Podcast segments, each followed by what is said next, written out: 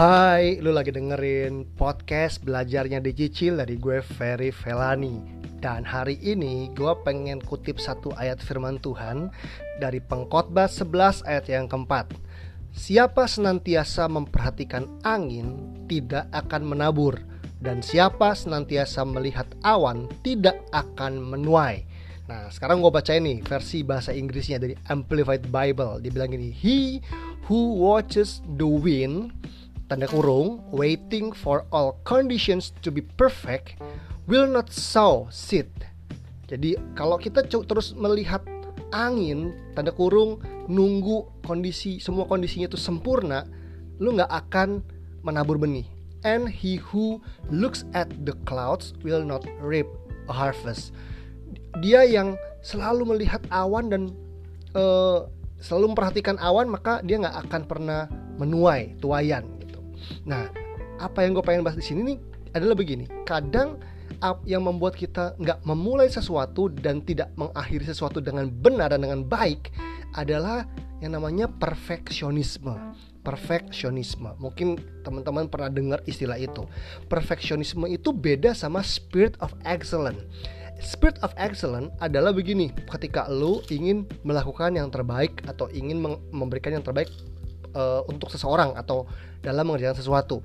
Nah, waktu lu mengusahakannya dan ternyata uh, sudah mengusahakan yang terbaik tapi hasilnya ternyata tetap nggak sempurna, ya udah gitu, it's okay, lu nggak akan terganggu dan itu yang terbaik yang lu sudah upayakan gitu ya.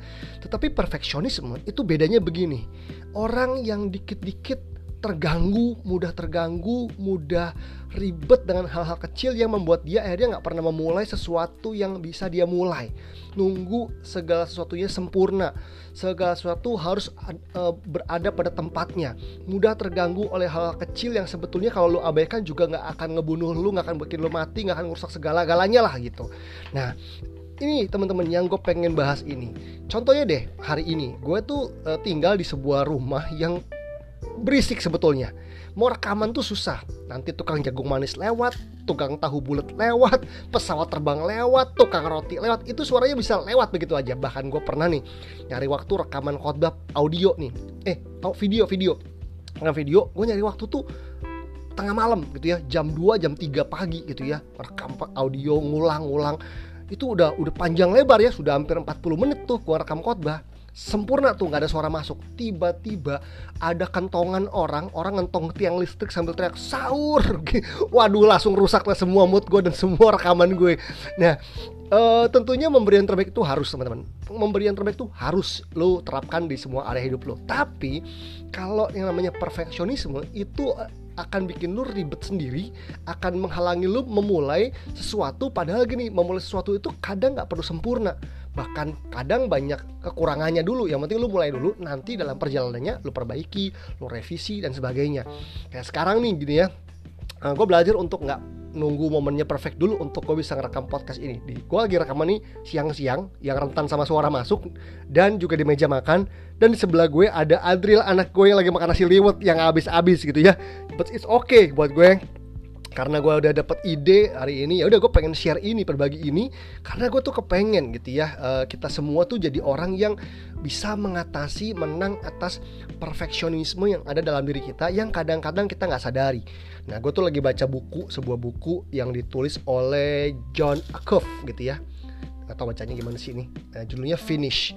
Yang menarik di bagian belakang buku ini waktu gue uh, uh, apa uh, mau baca buku ini dibilang intinya begini ya dibilang bahwa salah satu obstacle salah satu hambatan dan halangan kenapa seseorang itu tidak mencapai goalnya itu kadang-kadang penyebabnya bukan laziness bukan kemalasan tetapi perfeksionisme. Jadi yang bikin orang nggak mencapai goal bukan cuma karena dia malas loh. Bisa juga karena malas tentunya.